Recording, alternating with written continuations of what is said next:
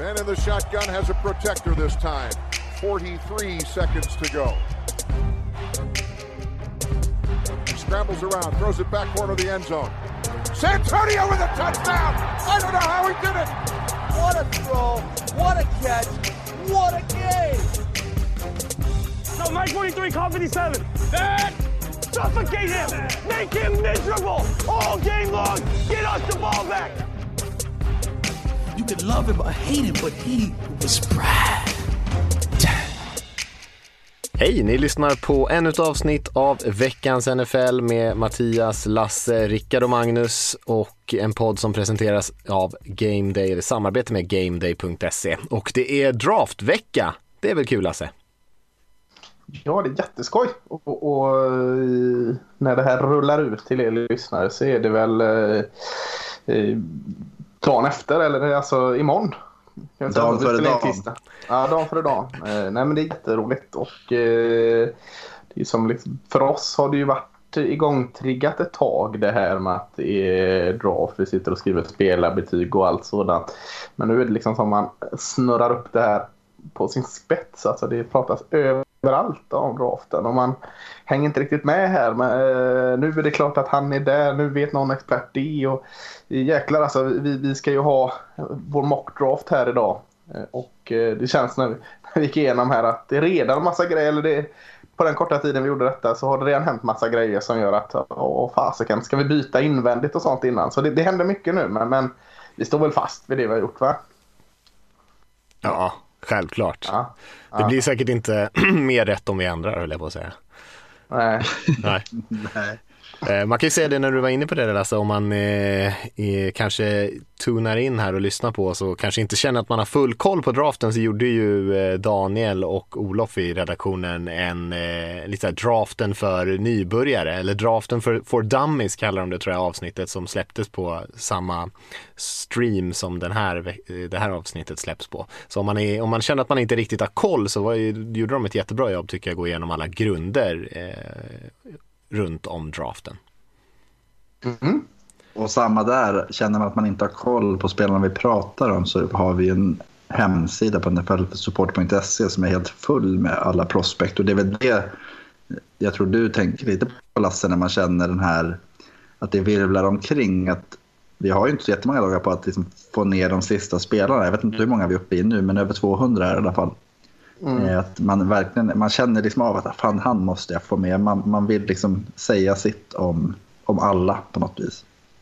Ja. Man vill ju inte missa någon kille som går i sjunde rundan. Eller som går i andra rundan. Alltså, se det som prestige som är Mr Irrelevant. Han som väl sist i varje fall eh, måste vi ha med. Det är annars är det bedrövligt. Han får ju packa ihop. Ja. Men han går i andra.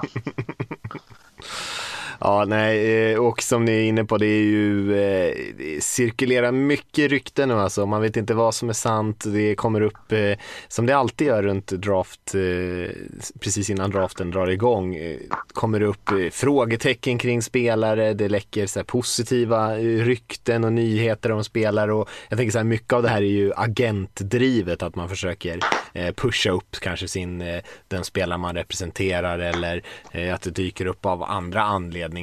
Eh, medicinska rapporter, det har kommit upp ganska mycket om vissa spelare som kanske dras med lite skador som har varit svåra att upptäcka som har liksom kommit fram här bara senaste dagarna eh, trots att man har haft så mycket förberedelsetid på det. Så att, eh, och vi har ju pratat om det tidigare, det är också en draft kanske där lagen har kanske mindre information än någonsin. Du var ju inne på det förra veckan Magnus, att det både just det här medicinska men sen att man kanske inte har träffat spelarna, vissa har inte ens spelat det här senaste året så det är ju väldigt mycket som händer nu och det är svårt att veta vad man ska lyssna på. Eh, Särskilt jag skulle gissa på att man inte ska lyssna för mycket på nästan någonting av alla de här ryktena.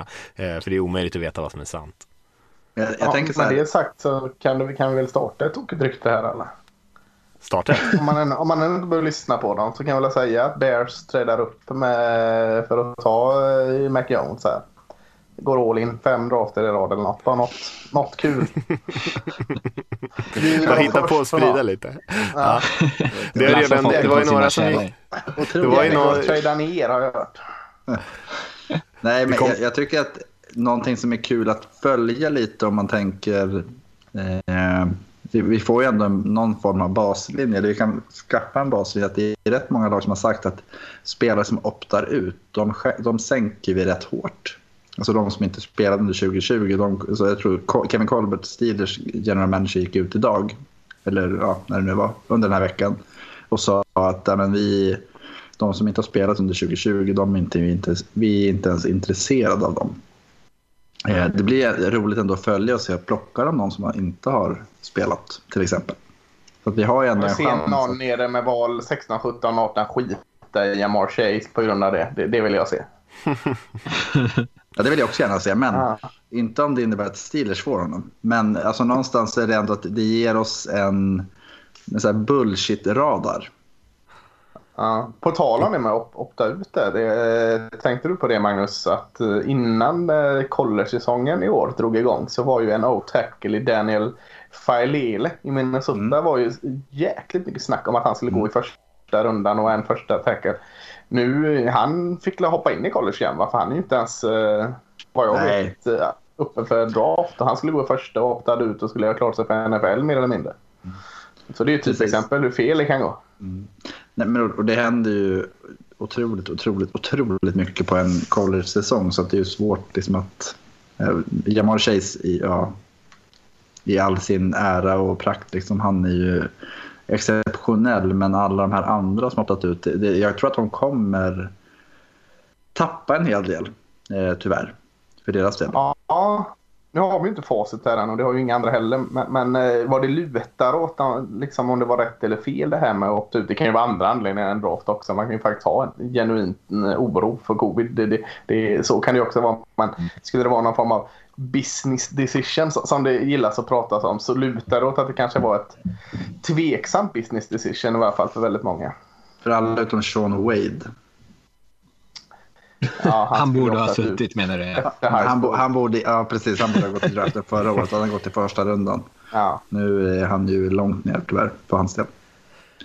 Det är alltid svårt att säga också i efterhand, för man, kommer, man kan ju aldrig veta vad som hade hänt om de hade spelat. Kanske hade dragit korsbandet eller någonting. Eh, ja, alltså, eller för att falla tio platser så hade de fallit ut i hela draften eller kanske aldrig mm. blivit proffs överhuvudtaget. Så det är ju, eh, jag tänker att många av de här spelarna, jag skulle nog inte se det som något jättestort negativt om de inte spelat. Så länge man har tillräckligt med film och information på dem så är det väl ganska positivt också att de har vilat liksom kroppen i form. Några har ju varit ute, lag har ju varit lite motsatt riktning där och sagt att eh, spelare som ändå testar bra och visar att de har kunnat haft disciplinen och hålla sig själva i form. Eh, det ser de som ett plus, även fast de inte har spelat den här säsongen.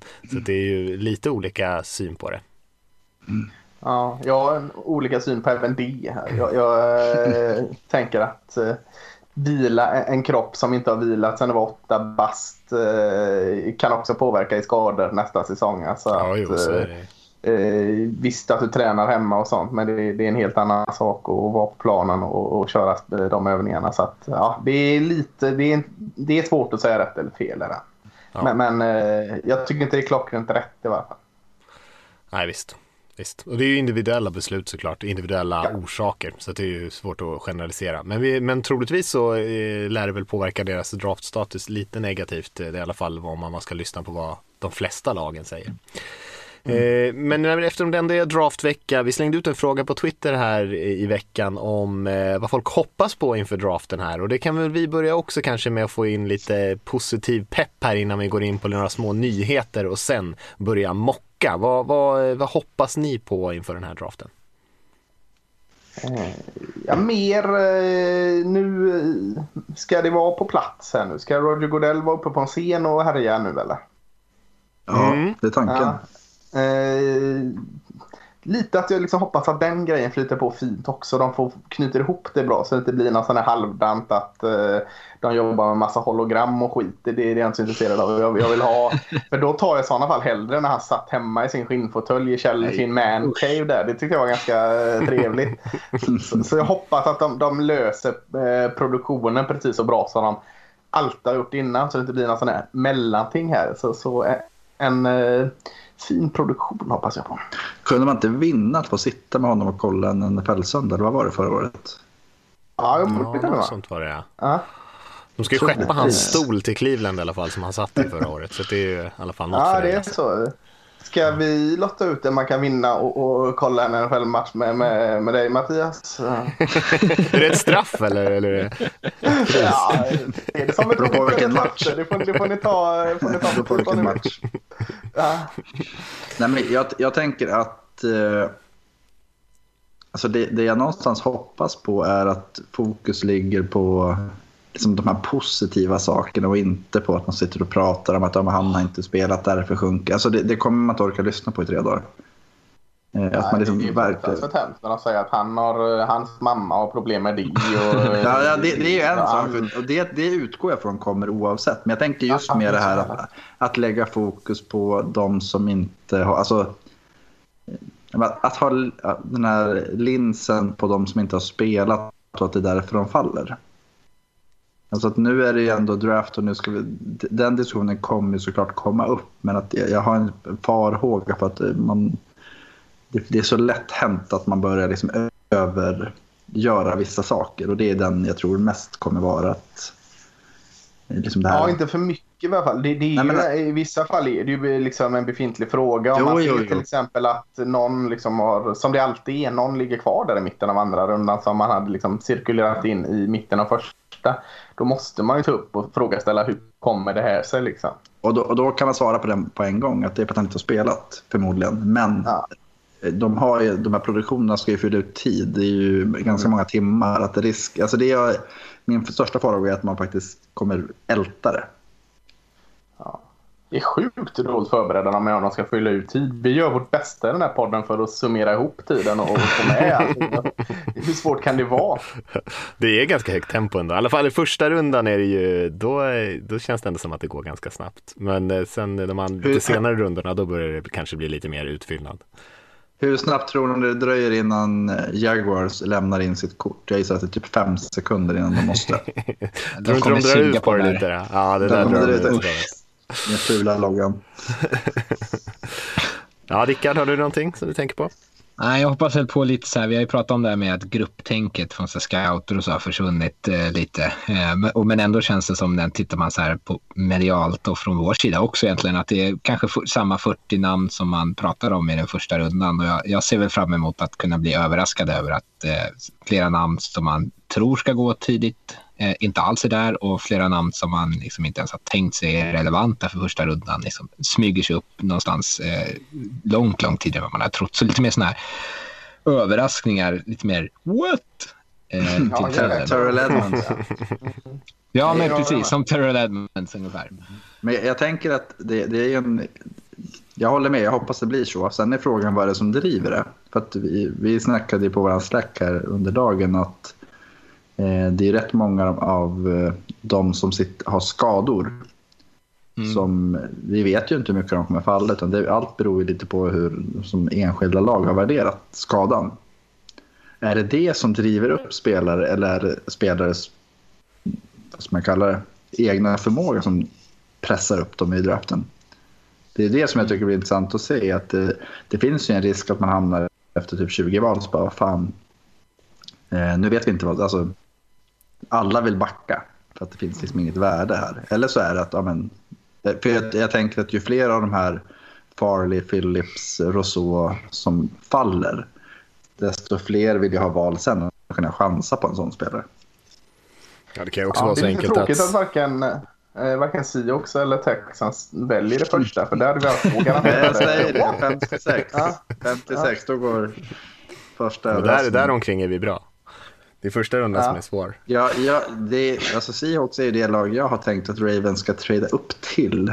Du vet, ni har, vad har ni, tre val? En Exakt. extra trea och en fyra gott. vore ju faktiskt guld. Ja, Nej, vi är nöjda med tre. Kanske att vi bara vill ha två. Jag tycker vi ska byta upp faktiskt. Komma upp till 49 kanske. Ja, skicka allt. All in. 49 tack. Ja, nej, jag, jag tänker att det kan vara lite så enkelt som, eh, som, eh, som att lagen kanske har sämre koll. Eftersom de inte har sett mellan varandra och som Rickard sa lite mer grupptänket, att man kanske inte har vet så mycket vad de andra tänker. Och det gör att eh, kanske inte de som analyserar draften heller har så koll på vad lagen tänker. Så att, att de här mockarna helt enkelt bara är helt uppåt väggarna. Vi har ingen riktig aning om eh, hur lagen har rankat de här spelarna. Eh, men, nej, men jag är inne på lite samma som, ja vad vill du lägga till något där Magnus? Jag vill bara lägga till en sak där, för att jag läste, det var något, jag kommer inte ihåg vilket lag det var, som sa att de hade haft eh, 600 Zoom-intervjuer, de hade haft, varit på plats på 400 matcher.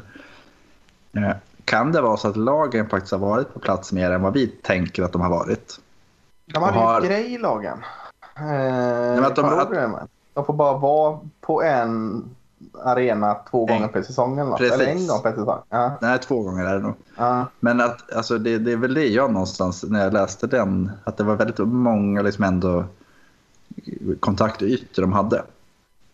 Att ja. hur, hur, det kanske bara är så att media inte haft så mycket till, tillgång eller tillträde till de här ställena nu. Och lagen ändå har haft det. Och påverkat, alltså, är ni med på vad jag menar? Att det, det kanske är, skiftet ligger inte i vad lagen vet eller vad de kan, hur, vilken insyn de har, utan det är vad, vad vi liksom utanför får se och veta. Ja men precis. Vad, vad har media fått? Vad får media sin information från när de inte har samma tydliga liksom, kontaktpunkter med lag och scouter som man har haft tidigare? Det är med Och det inga som jag tänker mig. att- besök, alltså inga Nej, fysiska precis. besök. De vet ju inte vilka de har zoomat med. Eh, och och vad, vilka, liksom, hur de rankar sin zoom-prioriteringslista. hur man nu ska uttrycka det. Den som vinner sten, sax, påse var det då? Eller vad var det? Exakt, exakt så var det ja. Eh, ja, nej, men jag, jag var inne på lite samma som eh, Ricka var inne på det. Jag hoppas också att det blir, och det är samma sak som man hoppas på varje år tycker jag, sådana där grejer som får en att hoppa till lite grann. Alltså eh, trades, mycket trades, mycket spelare som eh, kommer går överraskande högt och då blir det såklart spelare som också faller. Det är kanske inte är lika roligt men ändå att det blir eh, saker som vi aldrig hade kunnat trott. Den typen av eh, grejer får gärna pigna till lite grann i soffan där när klockan är sådär 4.30 eller någonting där på torsdag natten. Mm, en dag jag, en grej så som jag också ser framåt som är lite löjlig kanske men jag, jag älskar ju sånt där. När man, när man har sovit sina timmar efter draften och börjar läsa ikapp Twitterflödet och se alla de här telefonsamtalen spelarna får. Alltså eh, reaktionerna när de blir draftade. Det är ju så här, löjlig grej kanske men jag, jag biter på det. Jag tycker det är så jäkla trevligt varje gång att se genuin glädje liksom. Men också det här när man börjar titta på vilka spelare som finns kvar. Efter runda ett till exempel. När man bara säger, fan han är kvar, han är kvar. Det är så här, draften är ju verkligen drömmarnas tid. Att det eh, är, oavsett hur många val man har så är det så här, fan tänk om den här rackaren faller ända hit bort. det, det är ju konstant fram till så här runda 6-7 någonstans. Där börjar man ju... Då, då börjar man ta, tappa fokus lite men Jag sitter och trycker på refresh-knappen när det är update eller Det är, alltså- unsigned free agents. Alltså. Det är, Det, det gör jag också. Jag, ska, jag brukar gå och lägga mig vid två på lördag när man så nu vet jag vilka sju UDFAs som, Ja. eh, som, som jag kommer lägga liksom min, eh, slant på. Men, men det är ändå så här, just den här känslan av att när man har följt en draftprocess så som vi ändå gör så har man kanske 250 spelare som man nå- någonstans har en åsikt om. Så att det dyker alltid upp någon som är kvar. Ja, Så, så här, ja, men han, tänk, och han, så förra året James Proach i, i runda sex för Ravens, det var liksom så här, oj oj oj, han, han borde ha gått till första typ. Det borde han inte ha gjort. Nej, det borde han inte. Men jag förstår att du tyckte. Känslan var det. Ja. Oj, vilket fynd liksom. Så. I, alla andra missade. Han- De måste, ha- de måste ha glömt bort att han fanns. Ja, och även om man inte Ja. har koll på spelarna så är det ju eh, ganska kul att, att kolla ikapp. Och om man håller på ett lag som kanske har gjort åtta val så är ju inte det någon sådär enorm eh, ansträngning då. Kanske läsa på eller kanske titta några highlight-paket på några av de, liksom, av de åtta spelarna eller nio spelarna som laget har draftat. Eh, så den grejen är också rätt kul att bita tag i i efterhand även fast man inte ha- hade koll på alla spelare innan. Eh, jag tänker vi ska ta två nyheter också innan vi går och börjar mocka. Och vi kan väl börja med Orlando Brown-nyheten. Det har ryktades ganska länge om att Ravens eh, försökte eh, byta bort Orlando Brown och få någonting före och de fick, tycker jag, bra betalt. Bytte bort honom till Kansas City Chiefs och fick första rundan, tredje rundan och fjärde rundan i nästa draft och så skickar de då Nej, fjärde i år, femte nästa fjärde i år och femte i nästa. Okej. Eh, och sen så skickar de då eh, Brown då. Eh, och ett eh, andra rundeval va, i år. Mm. Eh, och, och ett sjätte runda 2022. Mm. Så många val där som gick fram och tillbaka. Men eh, man kan väl i alla fall säga att det, det första rundevalet är ju den stora grejen. Mm. Men det känns som en bra deal för båda sidor egentligen. Ja, speciellt med, med tanke på att Orlando Brown gick ju ut och sa att han vill spela left tackle. Han har lovat sin pappa det.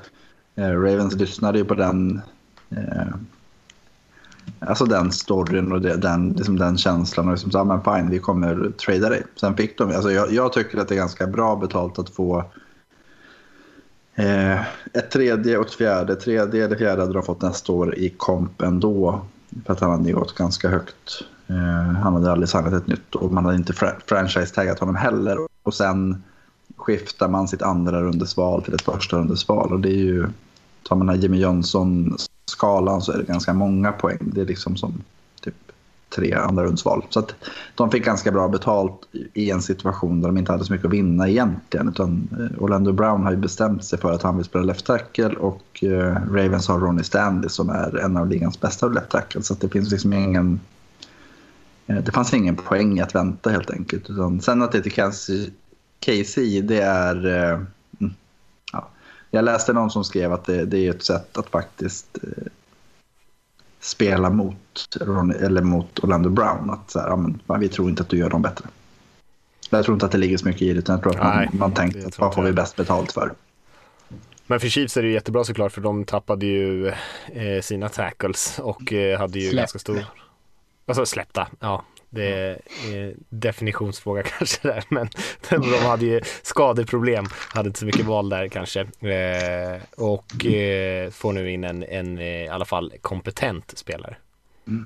Han är jättebra. Han hade, jag tror det var, var det 500 eller 600 snaps och 0 6 0 QB hits på den tiden. Sen så handlade det kanske lite mer om vad som stod på andra sidan, men eh, han är helt klart en, en och 24 år gammal så det, det är ett win-win för båda. Eller win-win-win för alla tre parter. Mm. Eh, ska vi hoppa vidare? Det har ju också varit, eh, kommit en del regeländringar runt om i NFL och eh, eller den här competition committee som beslutar om nya regler eller ändrade regler hade ju sin sitt lilla möte där och eh, skickade ut en del uppdateringar sedan dess. Det var väl inte så mycket intressant. Man skulle ta bort övertiden i försäsongen och lite sådana andra mm. grejer. Men det som folk började prata om mest skulle jag säga var väl egentligen eh, att eh, de ska släppa lite på de här reglerna på vilka tröjnummer spelarna får ha. Eh, och det kanske säger lite grann om hur spännande nya regler det kom. Eh, att det var det som snackades mest om. Mm. Inte så mycket att kommentera där tänker jag. Det de, de följer väl också lite college där. De släppte numren mer fritt. Fråga Tom Brady. Ja, han blev förbannad. ja. Han tyckte att man kunde spela med färg. Han behöver inte byta om man inte vill. Nej, han tyckte att man kunde spela med färgade tröjor istället. Ja, jag tyckte han blev arg på riktigt. Det var väl lite... Han tyckte väl det var jobbigt att Mike, linebackern, skulle ha ett annan, en annan nummer. Så att mm. han var tvungen att ah. veta ifall det var en safety eller en linebacker ja. eller vad det är för något. Mm. Mm. Ja, okej. Okay. Ja. Nej, det kan man kan ju förstå att det, kanske, det kommer kanske stöka till det lite för dem. Eh, kanske blir lite enklare att försöka förvirra QB sådär, men eh, ja, jag vet inte. Eh, Brady, han känns som att han har haft sitt på det torra ändå. Finns ju andra sätt att upptäcka vem som är Mike Linebacker förutom numret också. Mm, vem är Mike? Ja, eh, ursäkta nu. Det, det, är nummer här. Ja, eh, vi får se där om det kommer eh, resultera i att vi får se lite mer obskyra nummer på spelarna. Det har alltså varit, någon som inte vet, det har varit eh, regel kring vilka positioner som får ha vilka nummer då. Och där ska man nog släppa lite på det. Eh, men annars Ska vi börja köra en mockdraft? Lasse, säg vad en mockdraft är. Ja, det är en, eh, en eh, vad ska man säga, fantasy draft, simulerad eh, draft där vi lekmän försöker vara general manager och, och välja spelare till alla lagen. Görs överallt i alla som har någon form av NFL-intresse sitter och gnuggar på de här mockdraftsen nu och egentligen eh, rolig tidsfördriv innan vi får se eh, de riktiga sakerna. Så en hittepå-draft egentligen. En övning som Mel Kipe, jag såg att du tweetade om honom Mattias, gjorde liksom... Han, han var ju den som födde, som skapade draftintresset för den allmänna publiken någonstans. Och det, det är ju en... Ja, alltså, en väldigt utbildande övning skulle jag säga. Ja, man får ju tänka till lite vad lagen har för behov och vilka spelare som kanske skulle kunna matcha det och sådär. Och sen så brukar det ju inte sluta med att, jag skulle säga har man så här 6-7 rätt av de här 32 valen i första rundan så har man gjort ett ganska bra jobb. För eh, det är ju lätt hänt att det blir någon, någonting, någon bricka som faller som gör att eh, det mesta vänds lite upp och ner. Att det är någon som, något lag som tradar eller att det går en en QB här eller där och som eh, får spelarna att falla lite annorlunda. Så det är ganska svårt mm. att pricka in dem men jag tycker det blir ändå intressant. Man skulle kunna säga att de flesta spelarna som mockas eh, av många i första rundan går ju i första rundan. Och då, det är ofta ganska hyfsat rätt på vilka positioner lagen är ute efter. Och sen så kanske det inte är exakt rätt spelare alla gånger. Men det är ändå, man lär sig ganska mycket av det som du säger. Ska vi eh, kicka igång? Vi tänkte att vi kör första rundan och sen så får vi se lite grann om vi eh, om vi ska beta igenom andra, vi får se lite grann hur, lång, hur långsamma vi är på att köra den här ja. första rundan. Eh, med vår historik så kan man gissa att vi är ganska långsamma. Eh, men men vi, vi, hoppas alltid att vi inte ska vara så långsamma. Men vi får se. Och eh, först ut på klockan är ju Jacksonville Jaguars och och eh, Rickard som väljer åt dem. Ja, då är frågan om jag ska göra som Jaguar lär göra och suga åt mig tio minuters sändningstid här. Då. Mm. Mm. Prata lite om Jacksonville. Då blir du ensam. precis, ja, precis, vi har en pool på arenan. eh, nej, men det är väl inte så mycket att fundera på. Det är eh, Trevor Lawrence såklart. Det har varit klart hur länge som helst. De har ju ett annat val sen i första rundan. Vi kan prata lite draftstrategier när vi kommer ner till det istället. Så eh, Jaguars tar Trevor Lawrence, quarterback från Clemson. Vi kan skicka valen tycker jag. Så du kan skicka ja. vidare valet Lasse. Då skickar jag till dig Lasse. Ge mig. Jets. Eh, mm. Jag har aldrig gjort fel eh, draftval och, och, och, det gör de inte heller. Och det är ju nästan lika cementerat som Trevor Lawrence till Jaguar så att New York Jets väljer eh, eh, eh, nye Patrick Mahomes i Zach Wilson från BYU. Eh, om det var tvivel innan så är det ju inget tvivel efter man tradade bort Sam Darnold. Så Zach Wilson från BYU, quarterback. Eh, och med det passar vi vidare till eh, Mattias som har varit flitig värre med sitt 49ers och eh, tagit till sig den här eh, tredje valet. Innan, mm. innan Mattias vill jag bara säga att Lasse var ju faktiskt en av de första som eh, pratade om Zach Wilson i höstas. Ja, jag är med. Jag är med. Nu får jag dra efter honom också. Ja, Cirkeln är sluten. Cirkeln är sluten, ja exakt. Eh, ja, nej, eh, vi har ju pratat mycket om 49ers val eh, och eh, som general manager för 49ers har jag haft fullt upp här med att skicka ut smokescreens åt alla möjliga håll här. Eh, för nu ryktas det ju om att det ska, ska bli både eh, Mac Jones och Trey Lance här men självklart väljer 49ers Justin Fields från Ohio State och skickar över till Magnus och Falcons innan jag tappar all röst här. ja, och det, Justin Fields är ju från Atlanta från början så att Falcons är ju en, eh, en tacksam destination för nästa pick. Eh, Atlanta har ju ganska mycket needs skulle jag säga. Eh, men samtidigt har man en gammal quarterback i Matt Ryan. Jag, jag, för mig så handlar det om att senaste veckan har man skickat ut små blänkare om att Julio Jones är Eh, öppen för affärer. Man kan trada bort honom. Och, jag, jag, jag tänker att så här, Atlanta, de, de, de vill inte drafta så här högt upp så ofta i framtiden heller. Utan de eh, väljer att plocka en quarterback som de tror kommer kunna göra skillnad i framtiden. Och det är Trey Lance från North Dakota State. Eh, en lite opolerad eh, i vissa avseenden, framförallt att han inte spelat så mycket. Men han är ju en, eh, en slugräv, kallar de honom. Och jag tror att det är perfekt läge att ta in en, en QB. För Matt Ryan, så, han är 36 eller 37, liksom, han kommer inte att spela så många år till. Eh, visst, man kan träda bort Julio Jones, men det finns fortfarande mycket bra saker där bakom i Calvin Ridley och andra offensiva krafter. Så jag tror att det,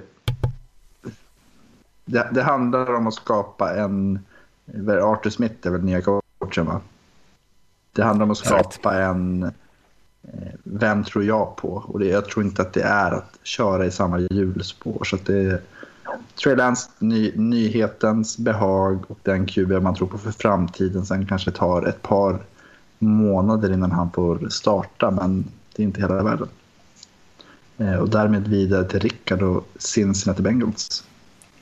Ja, och, och Bengals är väl ett lag som eh, behöver all, all typ av hjälp. Eh, men eh, så här i första rundan så har diskussionen varit ifall det ska vara offensiv linjespelare eller någon form av receiver. Eh, jag är ju lite sugen på Pitts här, eller var väldigt sugen på Kyle Pitts, thailänden. Jag tycker att han förtjänar att kunna gå så här högt, men Eh, jag vill ändå på något sätt rädda eh, Joe Burrow och så tar jag då en offensiv tackle. Då tar jag Penay Sewell från Oregon som jag tycker är den bästa tacken i årets draft eh, och kommer hjälpa laget jättemycket. Jag, som Raiders-supporter har jag sett hur mycket en bra offensiv linje kan betyda för ett anfall, även om man har, man har ganska tveksamma vapen på utsidan. Eh, så jag, jag, tycker att de, de kommer kunna hitta receivers eh, senare, även om Kyle Pitts just i sig är ett unikum så får man väl vara beredd att ta den förlusten.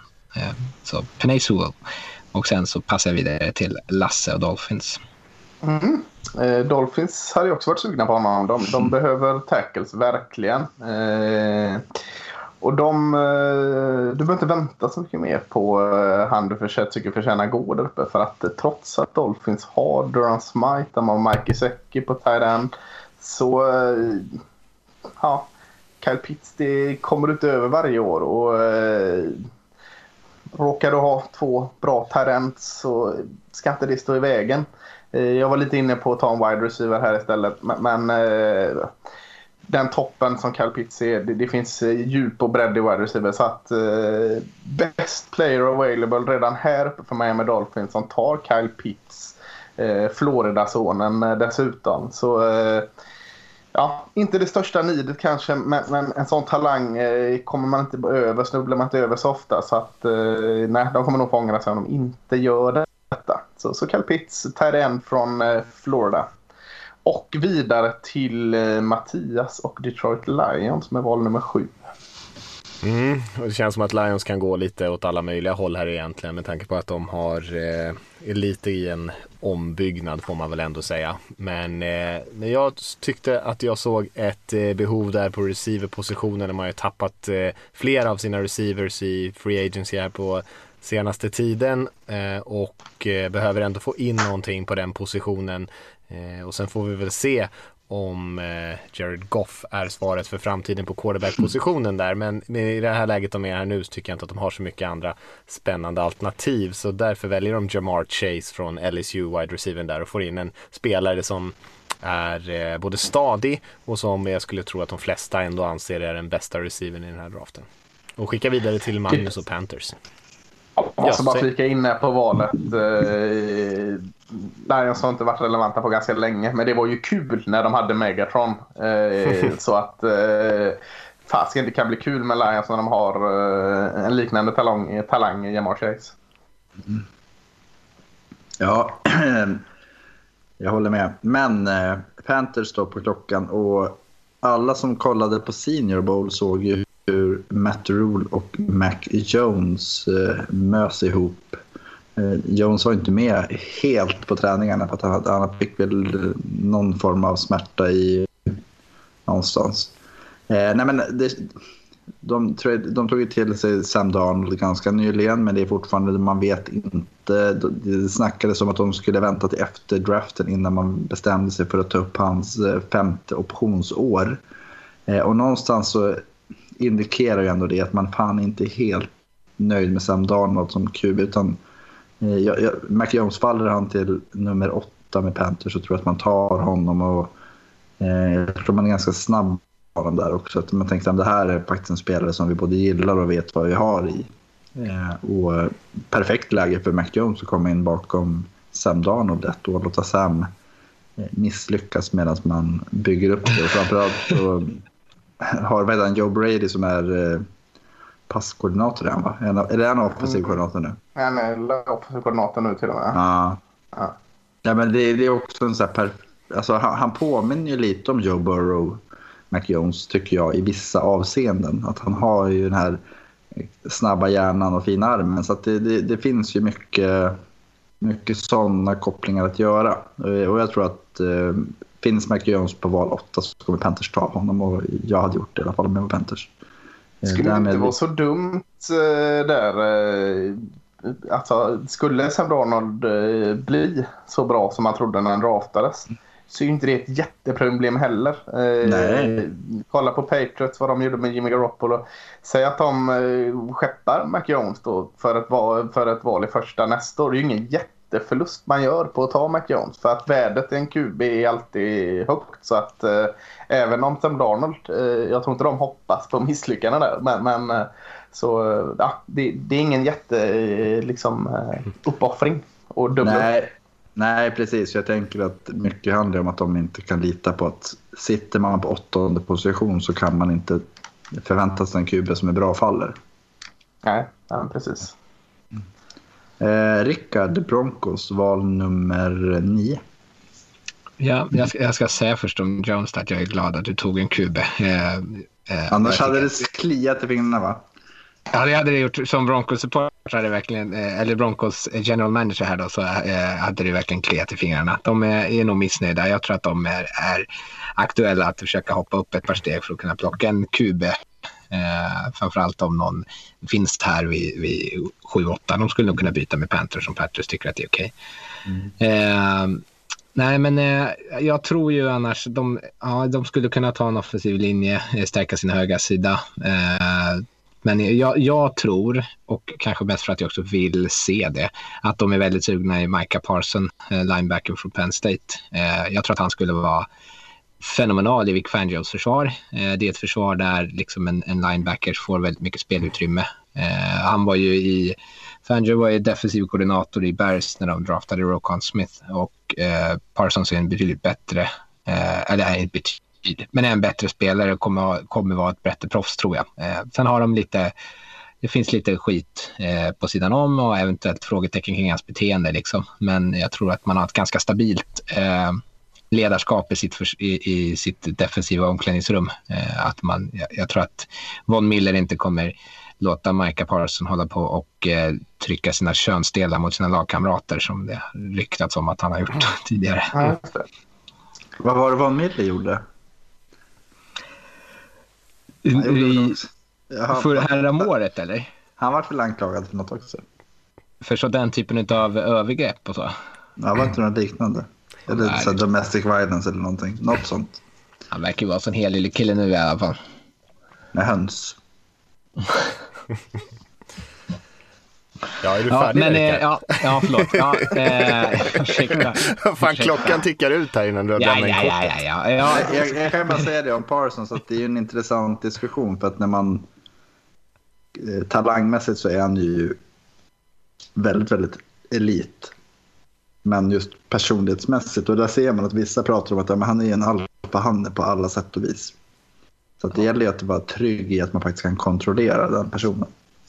Jag tror han, har, jag tror han går topp 10 eller faller väldigt långt. Ja, jo, antingen, är han, antingen är han uppskattad eller så är han eh, pest och då kommer man att fly honom. Då är det så här Dag, eh, Ruben Foster.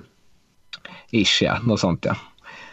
Ja, nu, Mattias, skickar jag vidare till Lasse och hans kära cowboys. Ja, Jerry Jones är vansinnig att klockan rann ner så långt här. Han är, han är eh, all till sig. Eh, Vad, vad händer med min tv-tid tänker jag? Ja, precis. Jag har ju nya bilder när jag sitter vid min, i min jatt här och lyxar till det. I Amsterdams hamn. Ja, precis.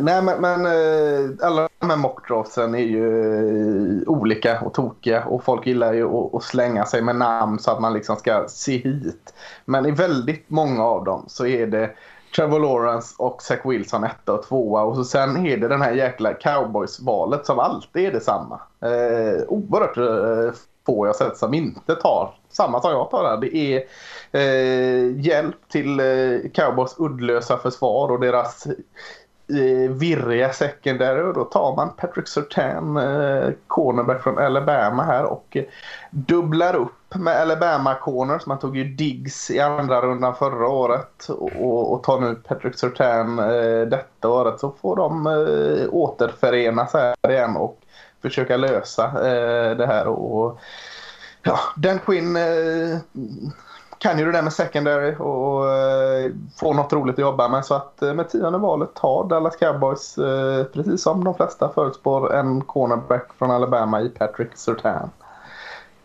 Och vi skickar vidare till divisionsrivalen New York Giants och Mattias.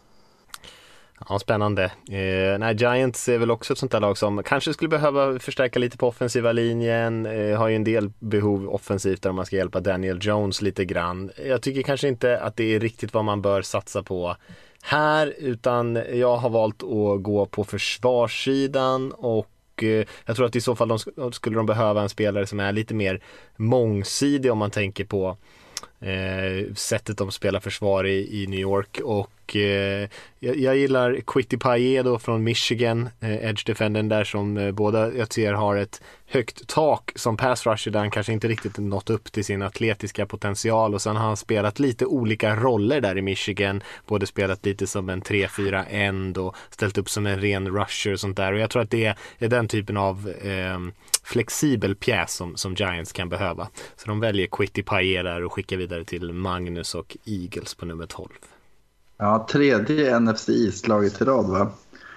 Eh, mm. Och Eagles, alltså Howard Roseman lär ju klappa sig själv på axeln gånger 500 om han hamnar i den här situationen där han med, vad hade de, val 6 från början va? Mm. Backar mm till val 12 och sen så finns både Jalen Waddle och Devonte Smith tillgängliga. Alltså det, deras största need ligger egentligen på att eh, se till att eh, Jalen Hurts har eh, passalternativ. Och eh, det får han i någon av de här två snubbarna som är eh, tidigare, tidigare lagkamrater. Hurts gick från Alabama till eh, Oklahoma innan han var draftad av Philly.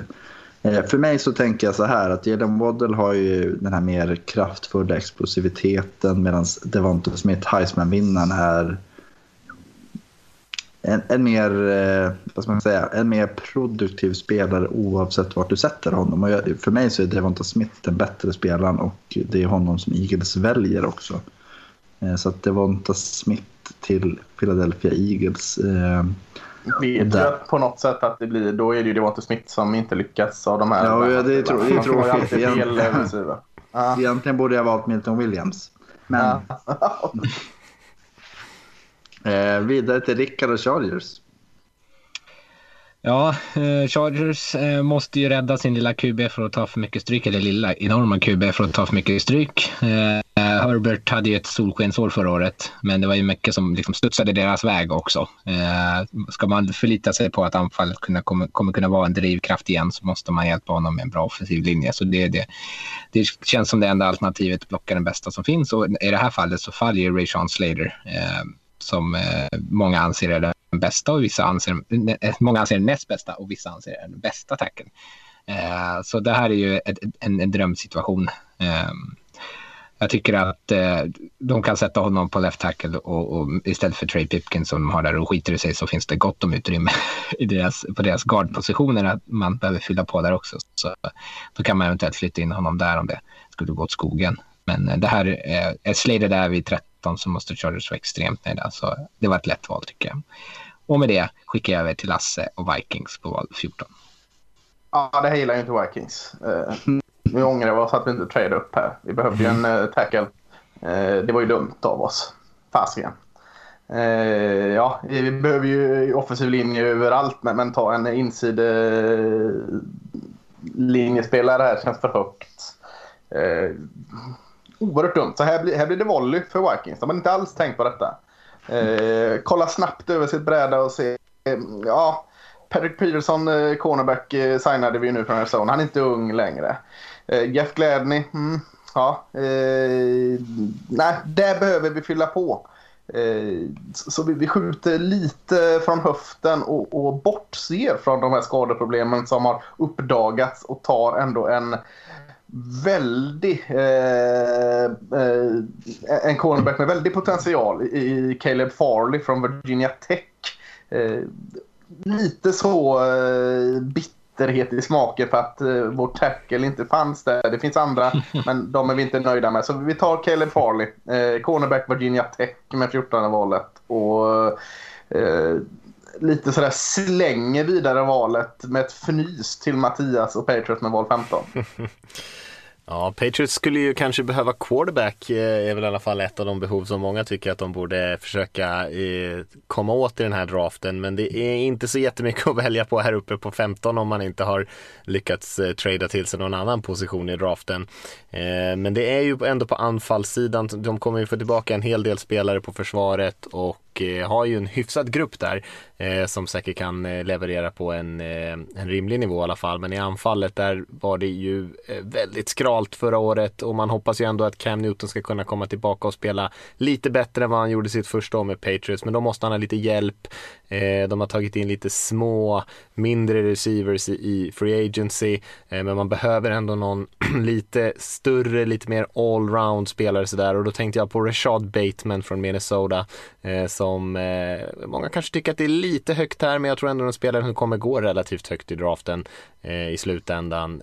och jag tror att det är den typen av spelare som Patriots, som skulle göra Patriots anfall ganska bra. Också lite längre än de här andra toppnamnen. Eh, med Newton så vet man ju att när han missar så missar han ju ofta högt. Så att kanske att de kan ha en hyfsad eh, eh, kemi där. Så Patriots väljer Rashad Bateman och skickar över till Magnus och Cardinals. Eh, och Cardinals börjar ju direkt med att typ titta på Vikings och säga så här, men Cameron Dansler, behöver ni inte honom så tar vi jättegärna honom. Eh, men det är ju en spelare som har fallit eh, en, ja, eller fallit, det är väl godtyckligt egentligen, men, men eh, en, en, talangfull wide receiver i Jalen Waddle som ligger där och så känner man så här, men de har eh, Hopkins, de har A.J. Green och de har, alltså Jalen Waddle skulle ju vara en, alltså, ja, ska man säga, en fulländelse av den receivergruppen på något sätt. Eh, för att han är ju verkligen den som skulle kunna utnyttja de ytorna som Hopkins och Green skapar. Eh, så att eh, Cardinals, i, alltså, trots behov på andra positioner så skulle man ju välja Jalen Waddle i det här läget. Mm, han var ju bra. Och därmed så skickar vi vidare till eh, Rickard och eh, Glasgow Raiders. Glasgow Raiders. Eh, ja, eh, Raiders eh, har ju eh, en del hål tyvärr att fylla. Jag skulle säkert kunna gå en del olika håll, men jag tror att de kommer vilja lämna första rundan antingen med en edge-spelare eller med en offensiv tackle. Jag tror att Gruden kommer att övertyga sig själv, eller eh, det är inte Mike Merrick som bestämmer någonting, men övertyga sig själv om att ta en, en offensiv tackle. Eh, eventuellt att de skulle kunna vara sugna på Quiddy Pay om han föll hela vägen hit, för det tror jag att de är sugna på, eller kanske Patrick Sertan Eh, eventuellt JC Horn, men jag tror inte att de vill ta en cornerback högt igen, för det har de gjort ett par gånger nu. Eh, så i det här fallet, och som jag tror också kommer att hända, så tar de eh, en offensiv tackle, Tevin Jenkins från Oklahoma State, eh, som andas Raiders och det känns som att det är väldigt många som har dragit den här kopplingen mellan eh, Raiders och Jenkins att de förstår att det är den, deras typ av spelare. Eh, och sätter honom som right tackle och skiter det sig så kan han spela guard sen framöver. Eh, det kommer finnas hål där fram, i framtiden. Eh, så ett enkelt val och eh, den här om eh, säga, ombyggnationen av den offensiva linjen blir liksom på något sätt komplett då med Jenkins där. Eh, Lasse och Dolphins nästa på klockan.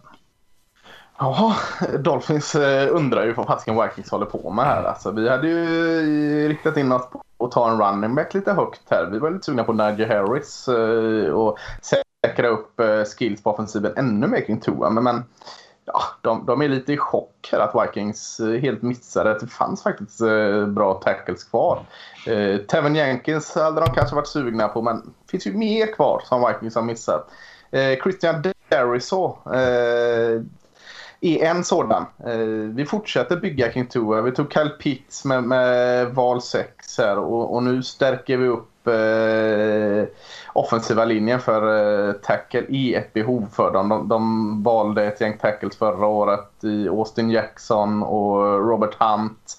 Eh, jag skulle kunna tänka mig att flytta in någon av dem eh, som guard om det skulle behöva. Så eh, tradar ju bort Eric Flowers här nu också så att det kanske är en tanke med det.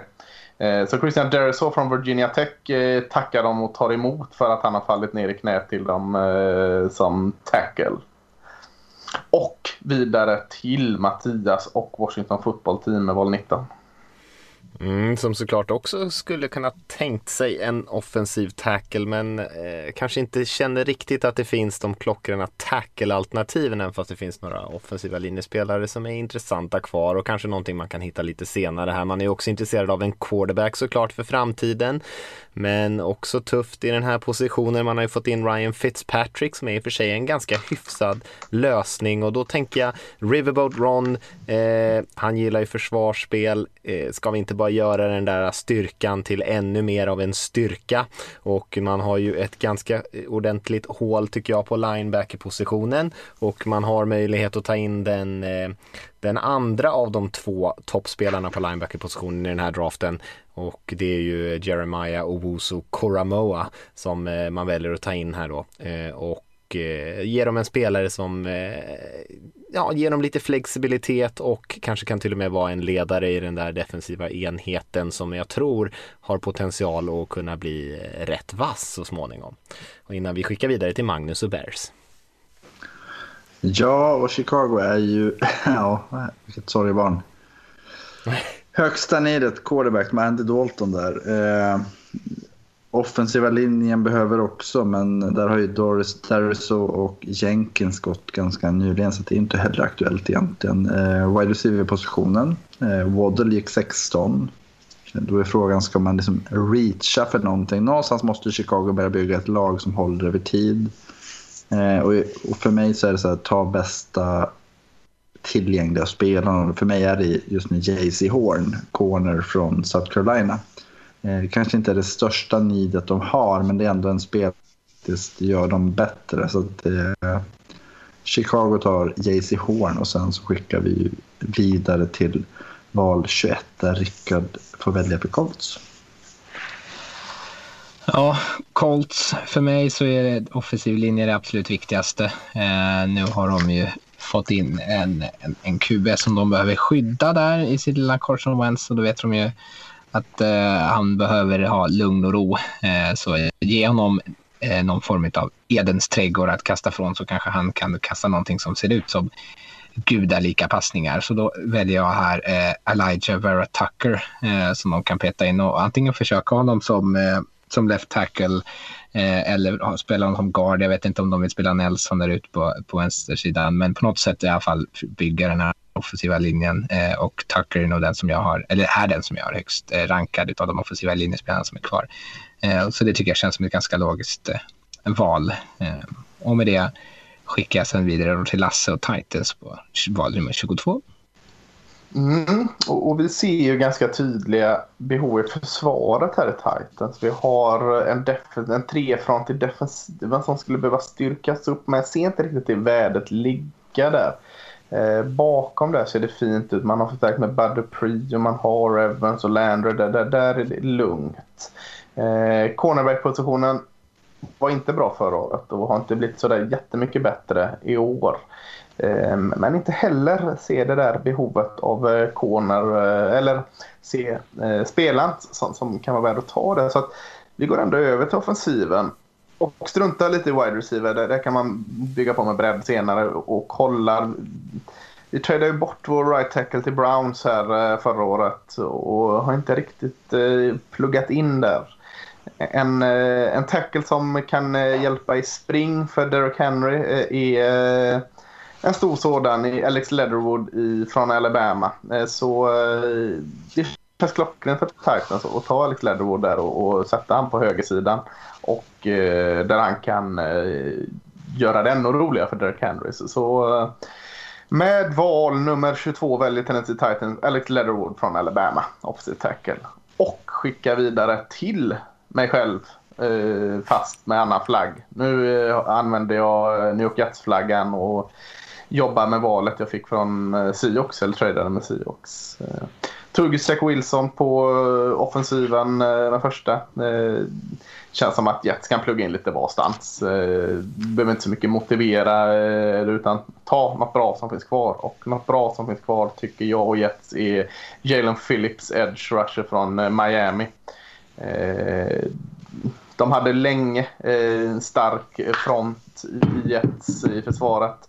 De har lite släppt på det nu. De behöver hitta tillbaka till den och då tror jag Jalen Phillips är en jättebra pusselbit. Så eh, Ed Trush och Jalen Phillips från eh, Miami med New York Jets val eh, nummer 23 och vidare till Mattias och eh, Pittsburgh Steelers med val 24. Mm. Eh, ja, Steelers är ett intressant lag. Får se eh, hur eh, giftiga de kommer vara. Det känns som att det är väldigt delade meningar där för den här kommande säsongen. Man vet ju inte riktigt vad man har Roethlisberger och anfallet och försvaret kan de spela på samma höga nivå. Jag tycker att försvaret, där är vi ganska bra och kanske inte någon superprio där. Eh, det är klart man hade kunnat tänka sig att kanske få in någon extra rusher och sådär men det känns inte som att det är det är högst prioriterat. Det som slog mig när jag tittade på Steelers eh, och det är ju eh, Connors running backen i fjol tyckte jag eh, inte riktigt höll måttet och nu har man eh, inte någon klockren ersättare honom eh, till honom den här säsongen och jag tror ändå att man måste kunna ha den dimensionen i sitt anfall med en Roethlisberger som vars arm eh, har sett lite vekare ut på senare år eh, och därför försöker man få in en riktig slägga här med Najee Harris från Alabama och eh, kanske lyckas Harris komma och eh, skjuta in lite extra energi i det där Steelers-anfallet så att man tar det där sista steget och närmar sig sitt försvar i alla fall lite grann och kan vara med och utmana om titlar något år till. Eh, och sen skickar vi vidare valet till Rickard och Jaguars igen. Ja, eh, och nu blir det väl spännande för Jaguars. Nu kan de börja fundera på vad de ska göra. Eh, och här, de kan göra lite allt möjligt. Det känns som att det finns gott om utrymme att kunna fylla på med spelare i den här truppen det finns en orsak till varför de får välja först i draften i år. Eh, men eh, och nya huvudtränaren Urban Meyer, det har pratats om att han vill få in fart och sådär, så det kan jag tänka mig att han är alternativt sugen på någon snabb receiver, eventuellt en running back i Travis Etienne. Men, eh, eh och så har det pratats om Trevor Morig, safety, som jag inte alltid kan inte alls backa. Eh, så jag har tagit en annan riktning, tagit en spel som jag tycker faller alldeles för långt och det är den defensiva attacken Christian Barmore från Alabama. Och han har han är lite Dr. Jekyll och Mr. Hyde under säsongen. Det har liksom sett otroligt bra ut i slutet och det såg inte alls lika bra ut i början. Men eh, jag tror inte att Urban Meyer är rädd för det utan jag tror att han kommer känna att han, det här kan jag coacha upp, upp en problem och ser potentialen i att få in en, en dominant defensiv tackle till det här försvaret. Eh, och det behövs om de ska kunna få, de har ju draftat lite edge rushers på utsidan. Eh, de har också en, en eh, eh, rusher egentligen i Taven Bryan tycker jag. Eh, så, inte omöjligt att de bara känner att de vill få in eh, en till defensiv tackle så att de får bättre matchups där på linjen för de andra spelarna också. Så eh, Barmore eh, till Jaguars. Eh, enkelt tycker jag. Eh, och då passar tillbaka till Mattias på nummer 26 och är nu som Cleveland Browns. Mm. Eh, ja, Browns, eh, det är väl ingen eh, hemlighet att de eh, utmaningarna fanns på försvaret i fjol och och eh, det ser väl fortfarande lite grann ut så. Eh, jag tycker ändå att eh, med några spelare som kommer tillbaka på cornerback-positionen och, och, förhoppningsvis lite utveckling där eh, ser jag kanske inte det som är riktigt högsta behovet just nu, kanske också man kan hitta någon spelare där senare. Eh, utan jag skulle vilja förstärka eh, pass rushen lite grann. Man tog in Clowney här, men det är ett ettårskontrakt. Clowney är inte riktigt den där klockrena ruschen utan snarare kanske en bra springförsvarare som kan ge lite där, utan man behöver få in någon annan typ av dimension där och då tänkte jag på Aziz Ojolari från Georgia som jag tycker är en bra spelare. Eh, det har ju dock kommit fram lite grann här eh, de senaste tiden att han har lite skadeproblem som är eh, kanske mer oroande än vad man hade trott. Så vi får väl se lite grann hur allvarligt eh, lagen tycker det är. Men i Browns så har vi inte lyssnat någonting på det utan vi bara går på vår eh, några månader gamla utvärdering här och, och draftar Aguilari och skickar över till Magnus och Ravens. Ja, det här är alltså usch. Pest och pina att välja för sitt eget lag någonstans.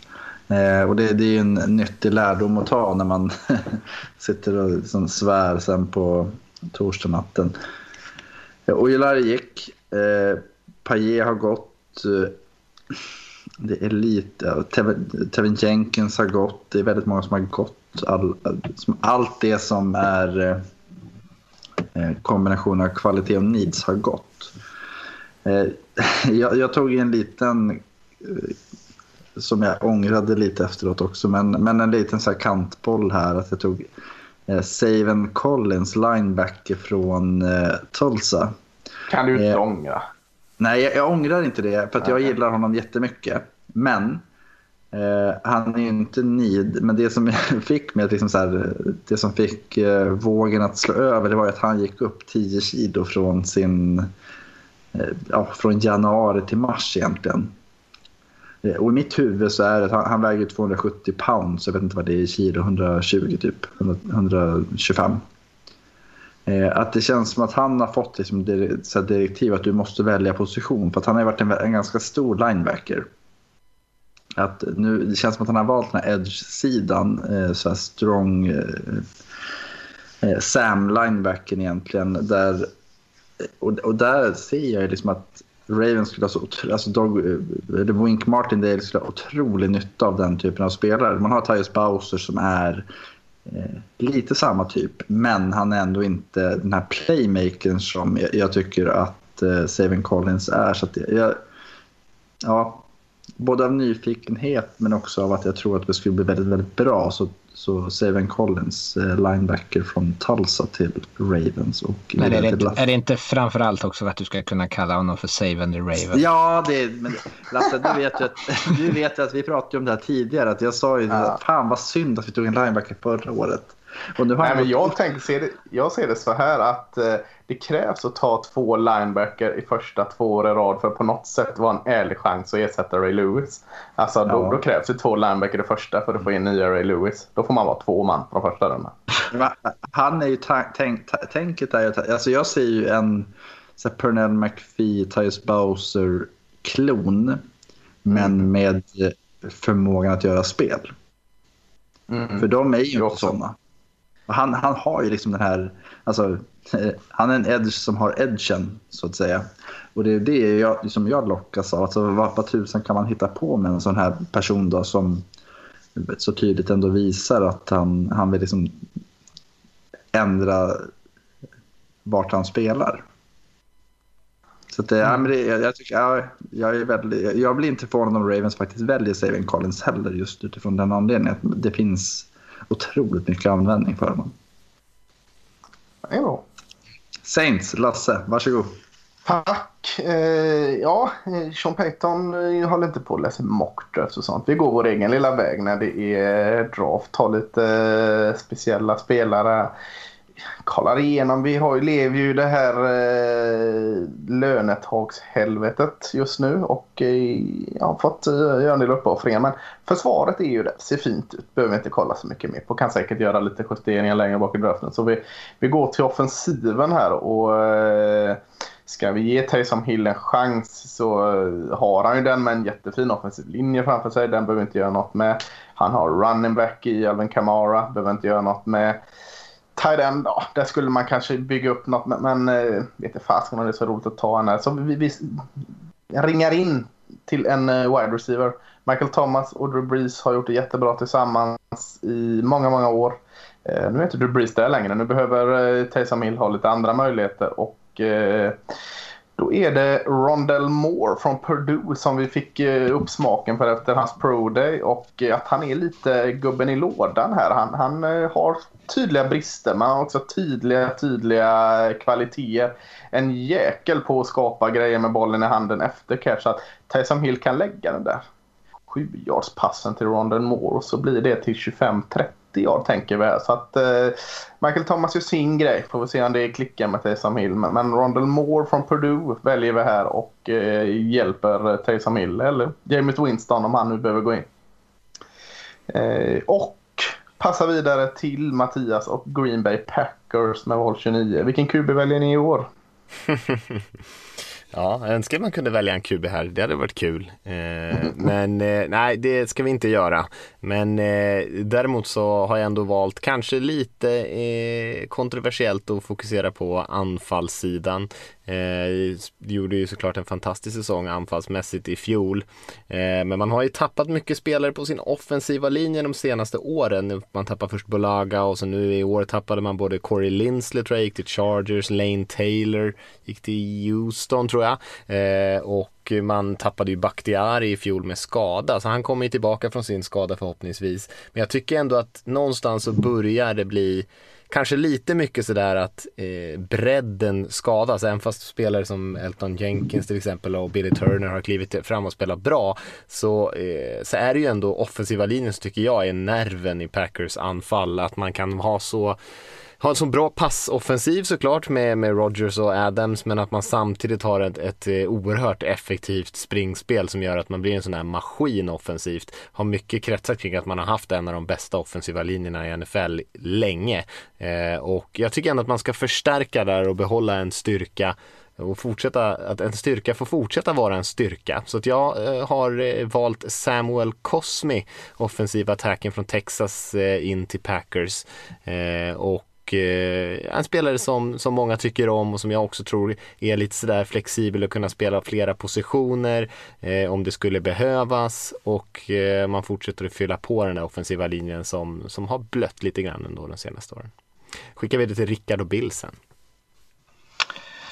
Ja, och, och, med Bills, det känns som att eh, de har ju fått tillbaka väldigt många av sina spelare. Jag tror att de har nästan alla starters eh, tillbaka från förra året. Eh, så det, de är ganska nöjda med dem sitt på många positioner och mycket handlar om att kanske fylla på eh, djup eller för framtid, lite så här lyxval. De har varit sugna lite på eh, Travis Etienne, eh, det tycker jag är alldeles för tidigt. De har plockat running backs i runda tre, två år i rad här nu så de inte, kan inte hålla på och slänga massa kapital på det. Där jag tycker att de har sitt största hål är på cornerback-positionen och då har jag, jag en personlig favorit eh, som jag också tycker påminner väldigt mycket om Davis White eh, och det är Asante Samuel Jr från Florida State. Eh, som är liksom en ettrig jäkel eh, och en härlig intensitet. White är också en väldigt intensiv eh, spelare och båda är duktiga på att hugga på bollen. Sen kanske de är ganska lika. Man kanske vill ha en spelare som kompletterar varandra bättre, att man ska kunna hålla på och matchuppa. Liksom. Men eh, nej, alltså jag tror inte man kan gå fel i Center Samuel Jr. Jag har väldigt högt förtroende för honom. Eh, och jag tror att han kommer passa väldigt bra i det här försvaret dessutom. Mm. Ja, och med det, just det, ursäkta, Magnus och Ravens igen. Ja, var, om, om Saving Collins var ett svårt val så är ju det här ännu svårare att eh, eh, någonstans eh, fånga in och göra skäl för sin peng. Nej men Ravens skeppade ju Orlando Brown, sin right tackle och eh, min hjärna går direkt till vilka, vilka har erfarenhet av right tackle. Tevin Jenke, som Raiders tog val 17 är ju en sån.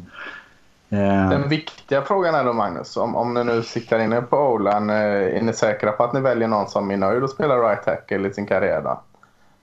Får inte bli den här samma igen nu att han börjar gnälla efter ett par år att han har lovat sin pappa att spela left tackle? Who's your daddy? Är det det, det du undrar? Ja, nej. nej ja, det är en viktig fråga. Nej, det är det inte. Men eh, det, det jag tänker är att mycket handlar om att skapa en miljö som är bättre än förra året. Eh, och jag tycker att Tyree Phillips som hoppade in, eh, Orlando Brown spelade i vänster tackle och Tyree Phillips och eh, vad heter han, DJ Fluke var det va? Som spelade right tackle. Men eh, Jalen Mayfield som eh, mm, han, han är van right tackle, han, han är bra, han är tuff. Han, han, jag tycker han påminner en hel del om Orlando Brown i sin stil. Och liksom hela den här liksom kombinationen av uh, atletisk klumpighet. Om du förstår vad jag menar. ja, du förstod. Ja, jag har det för om du tar bort det atletiska så har jag exakt den egenskapen. Lasse tycker inte om honom. Nej, jag vet, jag vet. Jag är väl inte helt, heller helt såld på att ta honom i en första runda. Ja, jag, jag ogillar honom inte, absolut. Nej, men jag, jag, tycker fortfarande inte att det är bättre. Alltså, jag tycker fortfarande att det är ett bättre alternativ att ta en right tackle som är bra i springspelet, som Jerry Mayfield är, än att ta en left tackle som, är, som har sina styrkor på andra ställen. Eh, så att Ravens väljer Jalen Mayfield, offensive tackle från eh, Michigan, eh, med även en Harbour Connection med val 31 och skickar vidare till Lasse och Tampa Bay Buccaneers. Ska jag bara lägga till det jag gillar, jag har högre betyg på Jalen Mayfield än vad jag har på Rashawn Slater. Så... Ja, det är ju... Får ni Slater. Ja, Slater är inte min man. Är, har, no, har, Matt Bushman, har han högre än de båda? Ja, det hoppas jag. Han har högre än båda ihop. han är. Eh, Matt Bushman lockar där, men vi har Rob Gronkowski och Cameron Brait och också O.J. Howard. Så Tyden det är inte ett behov för, för uh, regerande Super Bowl-mästarna. Inget behov direkt. Sitter oerhört skönt här och har en trupp som är uh, väldigt, väldigt fin från uh, på alla positioner egentligen. Skulle kanske kunna ta in lite djup på receiverpositionen, men, men det behöver vi inte göra här. Vi har en offensiv linje eh, som ser bra ut. Vi har Tom Brady som eh, man aldrig ska ta in en, eh, en ny QB bakom för att eh, han slutar aldrig. Eh, Jones och Fournette på running back eh, fått upp något där. Men, men de har en bra front seven, men eh, det är lite ålder på en del där. Eh, Jason Pierre-Paul är inte jätteung längre. Sue är inte jätteung längre. Eh, Lamonte David inte heller någon duvunge. sådär någonstans riktar jag in. Och eh, gick lite på vad vi tycker är best player available. Och det är en eh, edge rusher som kan ställa upp lite varstans eh, ifrån Texas i Joseph Osai. Som, som eh, vi är väldigt höga på här nere i, i eh, Florida och Tampa. Så eh, många kanske tycker det är lite högt, men, men vi ser det tvärtom att vi är väldigt glada att han har fallit ner till oss här. Så en edge rusher i Josef Osai som kommer ge allt hela tiden tar vi gladligen. Och det var sista första rundan va? Mm, stämmer bra. Eh, ja. Jag tycker, vi kan, jag tycker vi kan köra andra rundan. Vi skulle kunna göra så här att vi bara Eh, vi behöver inte motivera så mycket men det kan ändå vara intressant att, att eh, höra lite eller få, få lite namn och lite positioner på vad vi har tänkt sådär. Så jag tycker att vi skulle kunna bara köra om att man nämner vilket, vilken spelare eller vilka spelare laget valde i första rundan eller har valt tidigare i draften och sen så bara säger egentligen vilken spelare och position eh, som vi väljer och sen så kör vi bara kör vi vidare direkt efter det och så kan vi i så fall efter vi har kört igenom runda två om det känns om det är någonting som vi verkligen tycker står ut så kan vi ju kommentera det efter vi har dragit igenom alla namn. Eller vad säger ni om det? Mm. Det blir bra. Kicka igång oss Rickard. Eh, ja, eh, och då tar eh, Jaguars eh, lite bittert, men då tar vi safetyn Trevon Morig. Nu bommade ju direkt instruktionerna här Rickard. Du skulle ju säga vilka spelare de draftade innan. Ja, ja, ja förlåt. Ja, ja, ja, ja, ja, ja. Vi tog Trevor, Trevor, Lawrence, Trevor Lawrence och Christian Barmore och nu fyller vi på med Trevor ja. Morig, safety. Sorry. Ja, det är lugnt, men ge positionerna också när vi kör vidare här nu så att vi, så alla kanske inte känner till alla namn. Jag tycker du gjorde det bra Rickard. Tack. du, får, du får två av fem i betyg. Jag läste på Twitter när man, jag läste på Twitter när Mattias pratade. Jag tänkte att han skulle inte säga någonting intressant. Han står lite och vägrar. Jag har fortfarande inte fått bollat över från Rickard heller. Så han är, nu är han ja, förlåt. På, aj, aj, aj, aj, aj, aj. Ja. Aj, du, Jaguars får inte vara med på nästa års draft. Ja, han bara boll 33 i andra rundan, så håll till godo. Äh, Jet här. Äh, är ju nöjda med att någon annan har lite problem med draften. Det är skönt att inte ha den kostymen jämt. Eh, så vi är glada att det var lite strul där för Jaguars. Eh, tog ju Zach Wilson, quarterback med val nummer två. Eh, och sen med val nummer 23 så tog vi sen en edge rusher, Jalen Phillips från Miami. Och ja, det är ju lite som, som Rickard har varit inne på Jaguars. Att har ju hål fylla lite varstans. Och ja, skillspelare på offensiven behöver vi. Eh, Levion Bell funkar ju inte så bra där running back så vi, vi tar en running back som, eh, som ligger där eh, och, och ropar på oss och det är Travis Etienne från Clemson. Eh, kan bidra eh, i pass och eh, kan springa väldigt bra och framförallt har han ju långt samarbete eh, med Eh, tänkte jag säga. Kom på att vi inte tog Trevor Lawrence första. Men, men eh, han kunde haft långt samarbete med Zach Wilson också. Men eh, samarbetet stryker vi. Men funkar jättebra med Trevor Etienne running back som nummer 34. Och vidare till Magnus och Falcons. Mm. Eh, Falcons valde ju Trey Lance quarterback i första rundan och här i andra rundan med val 35 så väljer man Greg Newsom från Northwestern. En cornerback som eh, stärker ett behov och stärker ett försvar som är i skriande behov av hjälp. Och därmed vidare till Lasse och Dolphins. Ja, ska jag, ska jag summera här? Det tar så mycket val Dolphins jämt här nu. Vi, med val 6 så tog vi Tyran Kyle Pitts. Sen eh, med val nummer 18 tog vi offensiva attacken Christian Derisaw. Hade vi något mer i första där? Det hade vi inte va? Nej, det var nog det. Nej. Nej, här, det var bara två i år. Det var lite blygt. Men, men eh, här går vi på försvaret igen och eh, säkrar upp i mitten där med den lilla bulldozen eh, linebacken från Missouri, Nick Bolton. Eh, har släppt en del spelare. Släppte ju, vad heter han, Kyle Fanoy väldigt konstigt där. Eh, och eh, det får bli en ersättare Nick Bolton, Missouri. Så, så skickar jag vidare till eh, Magnus igen med val 37 och Philadelphia Eagles. Yes, och Eagles valde ju som bekant eh, Devante Smith i runda ett.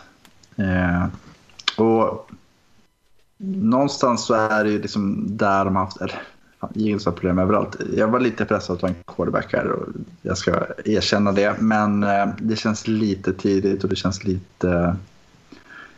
Eh, jag vet inte, fel utifrån Samma första valet. igen med. Ja, Ja, men lite- lite- nästa med. Ja, ja men precis. Att det handlar ju om att skapa förutsättningar snarare än att stjälpa dem. Och, eh, då är det ju corner som jag tycker är Eagles eh, need number uno. Och Eric Stokes är en lite omdebatterad eh, vad ska man kalla det, prospect. Främst utifrån att han han ses ju inte som så jäkla bra, men han har atletiska förmågan är väldigt, väldigt bra. Eh, Och, och det tror jag är någonting som man som NFL-stab suktar efter egentligen. En, en spelare som säger men fan din atletiska förmåga är otrolig och vi kommer se till att vi får det bästa utav dig. Så att eh, Eric Stokes väljer Eagles en cornerback från Georgia. Fan, bra val. Därmed är det Rickard och Bengals. Ja, Jag satt och väntade på att jag skulle få. Jag tänkte jag inte skulle ta ordet för att jag har misslyckats många gånger själv. Ja, eh, Bengals tog en offensiv tackle i första rundan istället eh, och då tog de ju eh, Penay och eh, istället för att ta ett, eh, en offensiv skillspelare och det tar de nu istället då och då tar de wide receiver Elijah Moore från Ole Miss så får de in lite fart och fläng där i anfallet. Eh, och sen passar tillbaka till Magnus och Panthers på val 39. Mm. Eh, och, och Panthers valde ju Mac Jones och det indikerar ju någonstans att, eh, alltså i runda ett då, eh, och det indikerar ju någonstans att man har en syn om vart vi ska och eh, det finns ju vissa hål på den offensiva linjen för Panthers och jag, jag tänker så här att Liam Eichenberg, left tackle Notre Dame, välskolad, storväxt, har liksom den här grundtryggheten som en färsk QB kommer behöva. Eh, och det blir Panthers val på val 38 och därmed vidare till Rickard och Broncos. Och 40 nu, Bronco. va? Ja, precis. Val 40. Broncos tog ju i första rundan Micah Parsons eh, och eh, nu behöver de hjäl- hjälpa Drew Lock här och då, då har de, tycker jag, en ganska tunn running back-grupp eh, och passar därför på att ta eh, en, en bra running back i Javonte Williams eh, från North Carolina. Eh, det finns eh, kanske andra positioner som man skulle kunna värdera högre så här eh, tidigt i draften. Men jag, jag tycker att det är en bra spelare så att den är värd att ta. Eh, och med det skickar jag över till Mattias som du ska välja med Lions. Mm, exakt, och eh, Lions tog ju Jamar Chase, receiven i första rundan. Och eh, som sagt har ju ganska mycket hål, och mycket att välja på. Men det känns som de är inte riktigt redo att konkurrera just nu. Så då tyckte jag att det var värt att satsa på en spelare som jag gillar som heter Levi Onwuzurike, defensiv linjespelare från Washington som kanske en sån där spelare som eh, man ser mycket potential i men som kanske behöver lite tid och det har ju Lions har ju all tid i världen får man ändå säga. Och sen så passar jag över till mig själv då och Giants på val nummer 42 och Giants valde ju pass rushen Quitty Paye i första rundan. Eh, och då pratade jag lite om att eh, de kanske skulle ta in lite hjälp till Daniel Jones, quarterbacken där och det gör de här med Terrace Marshall Jr. Den eh, ja, väldigt eh, duktiga receivern från eh, LSU som jag eh, gillar väldigt mycket. Som jag tror att det kan vara ett väldigt bra passvapen för Jones och Giants där. Och sen passar jag över till mig själv igen eh, och det är 49ers då. Och 49ers draftade ju eh, QB Justin Fields i första rundan och då är det ju en helt ny era som är på gång där. Eh, men man ska ju inte bara spela anfall, man ska ju spela försvar också och i 49ers känns det som att eh, man har något bra på gång eh, och här har man chansen att välja in en eh, spelare som har fallit lite, Gregory Rousseau från Miami som det snackades väldigt mycket om i, i för ett par veckor sedan men som har liksom fallit lite i glömska här ju längre närmare draften vi har kommit. Men här nere tycker jag att det är ett bra värde för 49ers. Och så skickar vi vidare till Lasse och Cowboys på pick 44.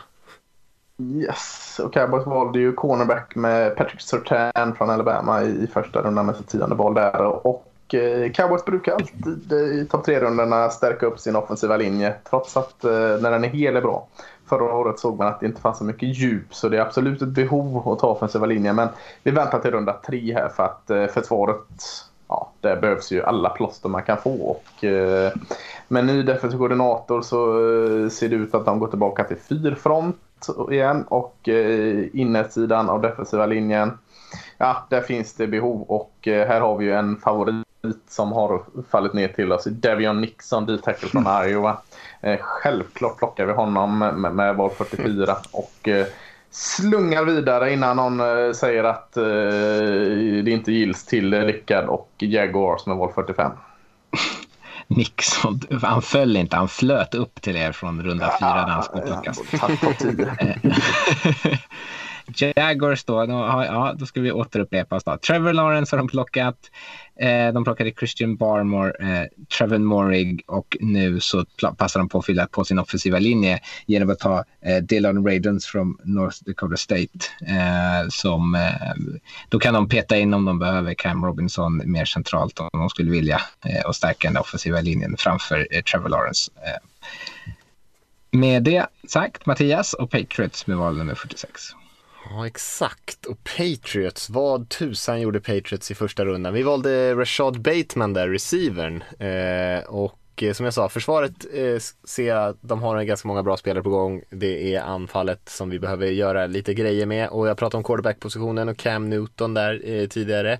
Eh, man behöver ju uppgradera där, eh, Cam, inte minst för att hans kropp kanske inte riktigt är vad den eh, alltid har varit. Eh, men kanske att han håller som en lösning i några år så man kan chansa lite på en spelare som till exempel Kellen Mond från Texas A&M som är en spelare som, han är ju inte Cam Newton såklart, men han har ju liknande kvaliteter kanske. Han kan springa bollen själv, han är stor, han är atletisk och och eh, är en hyfsad passare men kanske inte den där tokhöjden som man vill se alla gånger. Men i ett Patriots-anfall som kanske vill springa lite power, springa lite QB och, och, och sen lite mer drägligt sådär passa bollen lite sådär halvbra så känns det som att Kellen Mond skulle kunna växa in till att bli en fullgod eh, startspelare för dem. Eh, så vi väljer Kellen Mond och skickar över till Rickard och Chargers på 47. Och Chargers tog ju Rashawn Slater eh, i första rundan. Eh, men jag sa ju att de gott kan fylla på sin offensiva linje hur mycket som helst. Det finns ju en del eh, positioner och eh, då eh, just plocka en spelare som kan spela alla möjliga positioner så eh, är ju jag och eh, jag tror att hela fotbollsvärlden egentligen väldigt löjligt förtjusta i Landon Dickerson som har spelat center för Alabama senaste året men också har spelat många andra positioner. Eh, sätta in honom som guard där eh, och framförallt en spelare som liksom kan eh, skapa en schysst attityd längs med den hela offensiva linjen. Eh, en, en, en, en, cool, eh, omtyckt kille i omklädningsrummet. Eh, så eh, han sätter jag där och sen så går jag vidare till mig själv, val nummer 48 med Raiders som nu här då står och eh, applåderar, eller jag i alla fall, för att jag är så nöjd att eh, Javon Holland från Oregon Safety finns kvar. Vi tog i första rundan, ursäkta, en offensiv tackle, Tevin Jenkins. Mm. Han jävla mycket ordning och reda här. Fan, är inte du eh, lärare? Du ska ju kunna såna här grejer. Du kanske är van att ge instruktioner. Nej, du ska se mina klassrum. Det är ännu rörigare. Det är kaos. Eh, alla bara skriker. Det är ingen som lyssnar vanligtvis när jag pratar, så det är så ovanligt. Det är som i podden.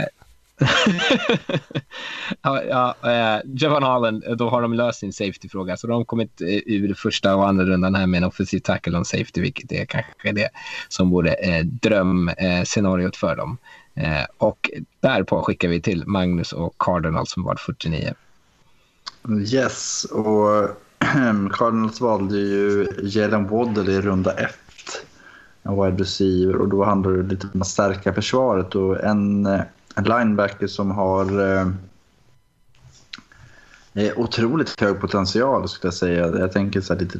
Eh, vet han, Darius Leonard i Colts. Det är ju Jamin Davis. Eh, och det är Kentuckys linebacker och det är valet för Cardinals här på, på val 50 blir det va? Mm, 49. 49 till och med. Mm. Och då får Lasse och Dolphins välja. Ja, jag tar val 50. Eh, ska jag bara hålla koll ska jag bara hålla koll på vad jag har gjort här med, med Dolphins. Vi tog eh, Taren Kyle Pitts eh, med val nummer 6 tror jag. Eh, ja, vi tog Pitts, jag tror det var val 6. Det är bra att veta eh, säkert. Nej, jag vet inte vem vi tog. Jag vet inte vilket val. Då. Men eh, med val 18 här är jag säker tog vi O'Tacken Christian Deriso. Och sen har vi varit inne redan i, i, i runda två här och tog med val 36 Nick Bolton. Eh, alla de här valen är ju tack vare Larry Tansil. Det, det kommer det vara i alla år. Liksom. Man kan, mm. man kan liksom dra en sån här röd linje från Larry Tansil till alla val Dolphins någonsin tar. Så att det är därför de har så många. Eh, nu är val 50 i varje fall och jag sa ju där uppe när vi tog Kyle Pitts att eh, vi behöver wide receiver men jag sa också att det är lugnt, det är lugnt, det kommer. Och eh, här har vi Kadarius Tony, ytterligare en, en Florida-spelare. Eh, så de tar in det här dubbelvapnet från Florida förra året med wide receiver Kadarius Tony tillsammans med Kyle Pitts. Eh, det blir bra. Vet. Så, så eh, vi passar vidare till Mattias och Washington Football Team med val 51. Mm. Och eh, Washington tog ju linebacken eh, Jeremiah Owusu Koromoa från Notre Dame i första rundan, i mitten där. Och eh, nu eh, så satt vi och funderade lite grann här och eh, var inte riktigt överens i vårt draftroom vem vi skulle satsa på. Eh, men tight end är ett stort behov i Washington och Baby Gronk sitter ju fortfarande kvar här. Pat Fryermuth från Penn State. Så vi Eh, valde honom där och sen eh, sa jag upp mig lite grann i protest strax efter för jag är ju ingen stort fan av Frymouth men, men eh, det är ändå en mock draft här får jag väl eh, trösta mig med och skickar över till Magnus och Bears. Ja, Chicago, vi var ju inte helt nöjda med hur brädan föll där i slutet på runda ett, eller slutet, mitten.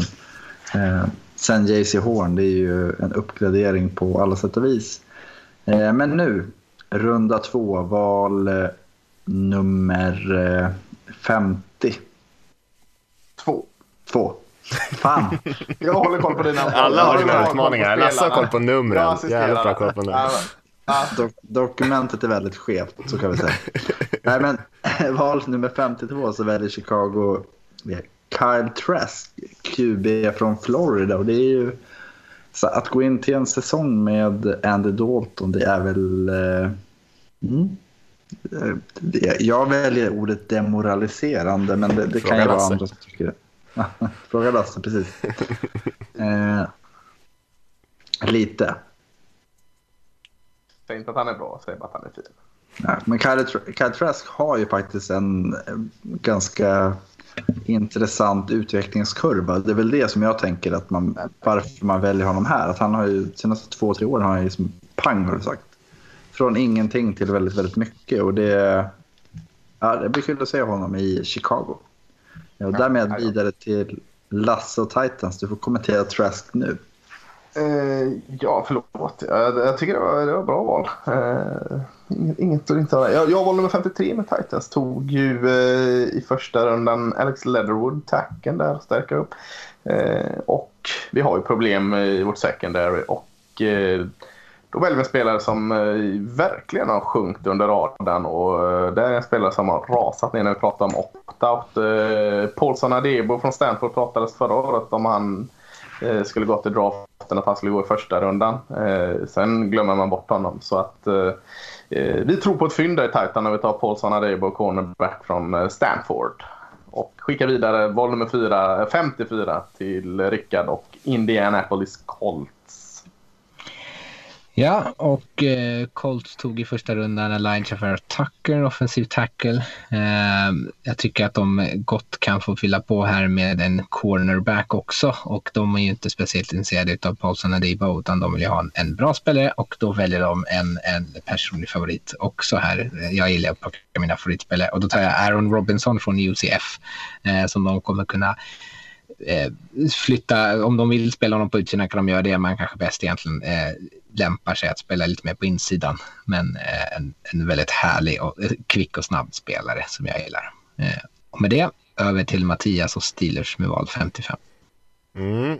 Steelers valde ju Najee Harris, running backen i första rundan och eh, som sagt har inte några sådär skrikande behov. Eh, men jag nämnde ju pass rush och eh, jag tycker att det är väldigt kul, eller för Steelers skull det vill säga, att eh, Carlos Boogie Basham Jr från Wake Forest finns kvar här nere på 55 tycker jag är ett riktigt härligt ställe. Jag skulle personligen vara supernöjd om jag kunde välja honom här nere. Jag gillar honom väldigt mycket.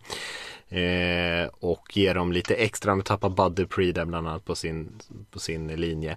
Så få in, eller ja, han är ju en eh, linebacker men som, som pass rusher. Och eh, få in en ny pass rusher där, det tror jag är klockrent och så skickar jag vidare till eh, mig själv och Seahawks på pick 56 eh, som gör sitt första val. Eh, spännande, eh, väldigt spännande. Hoppas vi inte tradar ner här. Eh, så eh, är det ju cornerback-positionen som jag framförallt tänkte för Seahawks. Man har ju försökt få in lite spelare på defensiva linjen som eh, för att råda bot på det och där har man väl eh, kanske snarare satsat på någon strategi att eh, bara ha många halvbra spelare och ingen riktigt bra och hoppas att det ska lösa det. På cornerback är det fortfarande väldigt, väldigt tomt så man väljer eh, Tyson Campbell från Georgia här nu som känns som en spelare som skulle kunna vara intressant för Seahawks som både har liksom storlek, atletisk förmåga, kanske lite ojämn eh, men som eh, man ser en del potential i ändå. Så skickar vi vidare till Lasse och Rams. Yes, eh, med val 57 så går Rams in i draften precis som Seahawks gjorde. Och, och eh, ja, eh, det är två tydliga behov ser jag. Det är eh, linebacker skulle vi behöva en och så skulle vi behöva en ett par kanske på offensiva linjen. Men, men mest ser jag att på insidan behöver vi hjälp. Och Mm. Eh, med ny QB med Stafford här så kan det vara trevligt för honom att få lite eh, mer hjälp. Och då har vi Wyatt Davis, eh, guard från Ohio State kvar som eh, vi väljer att eh, plocka här. Eh, kan hjälpa till lite överallt, framförallt i springspelet då kanske. Så, eh, men det visar en tendenser på förra året att kunna springa. Eh, så det mjölkar det lite mer. Wyatt Davis, guard Ohio State och så vidare till Magnus med val 58 och Kansas City Chiefs. Ja, Davis var ju ett, eh, ett framförallt en av mina favoritspelare, men, men, ett val som jag tänkte att fan, det skulle Chiefs må bra av. Eh, nej, men då, då landade jag mer i Diami Brown, eh, wide receiver från North Carolina. En, eh, alltså att kalla honom ett djupledshot tycker jag är lite nedvärderande på något sätt. Han har ju mer i sig, men han, han är väldigt, väldigt duktig på just att skapa de här stora spelen. Så 20 plus-spelen. Eh, jag tror han, sk han skulle vara otroligt bra i Chiefs försvar, och, eller i anfall. Och, eh, de behöver tänka, täcka upp för Samuel Watkins på något sätt och han kanske inte är precis den typen av spelare, men de Ja, nej, han, han eh, eh Demi Brown skulle vara bra för Chiefs där. Eh, Mattias Browns. Ja, eh, och Browns draftade, ska jag snabbt titta här. Eh, vad draftade Browns egentligen i första rundan? De draftade Aziz Ojulari, pass rushen och det är ju försvaret som jag sa som är, är det Browns behöver förstärka och vi lever ju i en passera trots att man har Ravens i divisionen där. Eh, så eh, väljer jag att satsa lite på secondaryt ändå där det ändå som sagt, det finns lite intressanta spelare men eh, det är långt ifrån en klockren grupp än så länge. Och man har en spännande cornerbacker i Ife Melifonwu från Syracuse som eh, också är en sån där spelare som kanske lite ojämn, eh, har en del kanske tekniska brister men som eh, har atletiska profilen, storleken, rätt eh, förutsättningar för att ha ett, en, eh, ett högt tak i sitt spel. Eh, så Brown draftar Melifonwo här på pick nummer 59 och skickar vidare till Lasse och Saints. Mm, Saints valde Rondell Moore, receivern i första. Och fortsätter väl gå lite eh, annorlunda. Men, men, eller kanske inte. De, de linebacker tänkte vi här, men, men hittade ingen riktigt som föll in i, i mallen. Corner djup skulle vi behöva. Hittade inte heller något där. Så vi, vi går lite på vad vi tycker är bästa spelaren kvar. Och, och då hittar vi en edge uh, rusher från uh, uh, Washington eh, i Joe Tryon. Eh, som är en liten udda spelare som, som kan snurra runt lite här eh, varstans på linjen och på kanten. Så ja, kan nog hitta en roll för honom där och rotera in första året och, och, på tid bli en nyckelspelare. Så, så med val 60 så tar vi Joe Tryon, eh, edge rusher eller defensiv linjespelare hur man vill se en från Washington och skickar vidare till Rickard och Buffalo Bills med val 61. och Bills valde i första rundan en Santi Samuel Jr, cornerback. Och eh, då, eh, som jag sa, de kan behöva fylla på lite där de har åldrande spelare. Här tänker jag mig att de eh, gör det genom att plocka in Peyton Turner som är en edge rusher från Houston som kan eh, bara roteras in lite friskt i år eh, vid behov. Eh, inte förväntas vara en starter men kan vara det kanske nästa år eller uh, längre fram beroende på lite hur länge de håller kvar här i Jerry Hughes uh, eh, eller uh, Mario Addison, jag vet inte riktigt. Men fylla på liksom med den här defensiva linjen tror jag kan vara klokt. så Peyton Turner och passa vidare till Mattias Packers med val 62. Mm, och Packers draftade ju Samuel Cosmi, offensiva attacken i första rundan. Och och eh, som vi var inne på lite grann behöver ju lite hjälp i sitt försvar, framförallt kanske i, i sitt passförsvar. Och eh, finns väl inte några så här, när vi börjar komma ner här, kanske inte några klockrena alternativ. Eh, jag valde att ge dem Kelvin Joseph från eh, Kentucky som har Eh, Eh, haft lite bekymmer, varit lite avstängd, haft det lite stökigt, varit lite skadad, inte spelat så många matcher, eh, bytt skola, eh, men har ju ändå visat upp bra spel i perioder och, och är en sån där spelare som också kanske har ganska mycket potential, men det finns väldigt mycket frågetecken. Och man hoppas här i Green Bay att man kan rätta ut dem och få honom på rätt bana här igen och eh, lyckas utveckla en bra starter där. Men vi skickar över till eh, Magnus och Chiefs. Mm.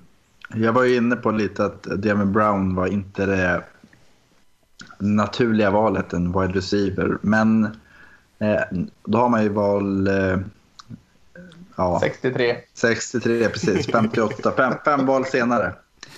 Eh, och då en snubbe som fallit väldigt, väldigt långt och som ja, jag är lite överraskad. Men det är Creed Humphrey som är center i, från Oklahoma. Och Chiefs, deras offensiva linje, visst de har fått en eh, extreme makeover under den här eh, offseasonen. Men, men jag tror ändå att eh, Creed Humphrey, han, han, han kommer göra den ännu bättre över tid. Så det, det var ett enkelt val där att plocka bästa spelaren tillgänglig. Eh, sista valet i runda två, La, Lars Torman och eh, Bax. Yes, och eh, vi valde ju Josef Osaim, eh, Edge-spelaren från Texas, i sista valet i första rundan. Och eh, ja, vi, vi, hade vi inte gjort det så såg vi att Jason Overay från, från Penn State låg kvar här. Men, men, vi kan ju inte gå ut med två Edge i första rundan, så vi, vi släpper honom. Och hittar istället en mycket spännande spelare. Vi har Mike Evans och vi har Chris Godwin. Eh, två klockrena receivers. Eh, men bakom där så finns det, men det kan fyllas på lite till. Och när vi har en sån spelare kvar här som Amon Ra St. Brown från USC wide receiver så ja, det är för eh, kittlande att uh, inte ta honom. Så att uh, vi kör wide receiver här och, och det är lyxigt för uh, vi kan bara fylla på lite med vad vi har topp på vår draftboard. Och han var det. Så vi rundar av runda två med, med en wide receiver från USC. Inget dumt val, nummer 64 får man ändå säga. Ja, det är vi nöjda med. Eh, ja, då var vi färdiga där. Det gick ju ganska bra det där. Jag vet inte om det känner, ni känner att det är någonting som vi ska, det är ganska mycket här. jag vet inte om det är något särskilt som står ut som vi ska kommentera av de här valen. Eh, kan jag nämna några spelare som, som fortfarande är kvar då? Jag nämnde mm. Jason O'Way från Penn State som många har i första rundan. Han var inte mm. god nog att gå i våra två första. Ja, han föll, föll mellan stolarna där kanske lite grann. Ja. Två ja. linebackers som, som pratas om. Baron Brown och Gabriel Cox också kan man lägga till i den gruppen mm. kanske. Eh, Ronnie Perkins är också en sån spelare. Men, nej, men alltså, det, ja. det, är ju, det är ju väldigt, det säger ju alla som jobbar in, alltså inom NFL att det är väldigt svårt att se bort de första 32. Mm. Ja, det blir väldigt nidstyrt sen. Så att då är, är det, ja, men, det lite konstigt så. Kommer ni ihåg när Dwayne Eskridge sprang snabbt och alla satte han i första rundan? Jag har honom fortfarande i andra rundan. Så jag tror jag evighet sen. Men, men, jag tänker mig att han går i andra rundan. Är... Han kommer gå i andra rundan, garanterat. Ja. Jag tänker inte slå vad om det för att jag, jag har inte råd med. Milton Williams mig... är ju på... ja, jag tänkte säga det. Jag känner mig inte lika säker på det bettet längre här. Milton Williams är ju kvar. Eh, men en, eh, jag har undanlagt en summa som jag ska skänka till väljarna ändamål. Så att eh, jag har budgeterat för det. ja, det nej men ja. det är ju väldigt, det blir, alltså, överlag så handlar det om en, en draft som är väldigt svår att förutse. Mm. Och, och, och, det, är just, det gäller ju även oss. Men det är, när vi känner det så kan jag tänka mig att lagen känner ännu mer liksom så fan ja, vad, ska vi göra? Vad ska vi tänka? Hur ska vi hantera just de här... Det, när man tidigare år har pratat om att vi har fyra prospect så kanske det är tolv prospect som man har på samma, samma liksom nivå. Ja. Alltså, de, måste ju, de, är, de har ju sin... Vad ska man kalla det? De, de har ju sin normala rytm att, att utgå ifrån. Det har ju inte vi på samma sätt. Så de har sin normala rytm de märker en skillnad. Hur ska vi, hur ska vi liksom tolka den? det är omöjligt. Det, det ja, det är omöjligt och det är jättekul att, att liksom... Jag tror att det, det är liksom det perspektivet man måste ändå ha liksom nu. Att hur hanterar man det? Vissa lag kommer vara jättebra på det tror jag. Vissa kommer vara katastrof. Det, det kommer vara så här att Åh nej, vi, vi trodde att alla hade samma draftboard som oss. Så det, nu ska vi ta någon som vi hade ett i runda ett någon som vi hade ett eh, tredje rundes grade på. Liksom. Det kommer ju hända. Nej, det är lite... Eh, noterbart tänker jag här. Eh, kan inte varit många drafts om någon någonsin som där det har gått eh, första fyra valen i quarterback. Nu jobbar inte vi med trades här, men, men det finns ju en, en, eh, risk eller chans om man väljer att se på att det kan till och med vara fem QB som går. Eh, alltså om Bengals eh, lyssnar på en trader och tradar ner eller något annat som gör att något kommer upp och till och med bonkar in Mac Jones där. Det hör ju inte till vanligheterna. Nej, och ingen Davis Mills är med heller i någon av de två första rundorna i våran mock här va?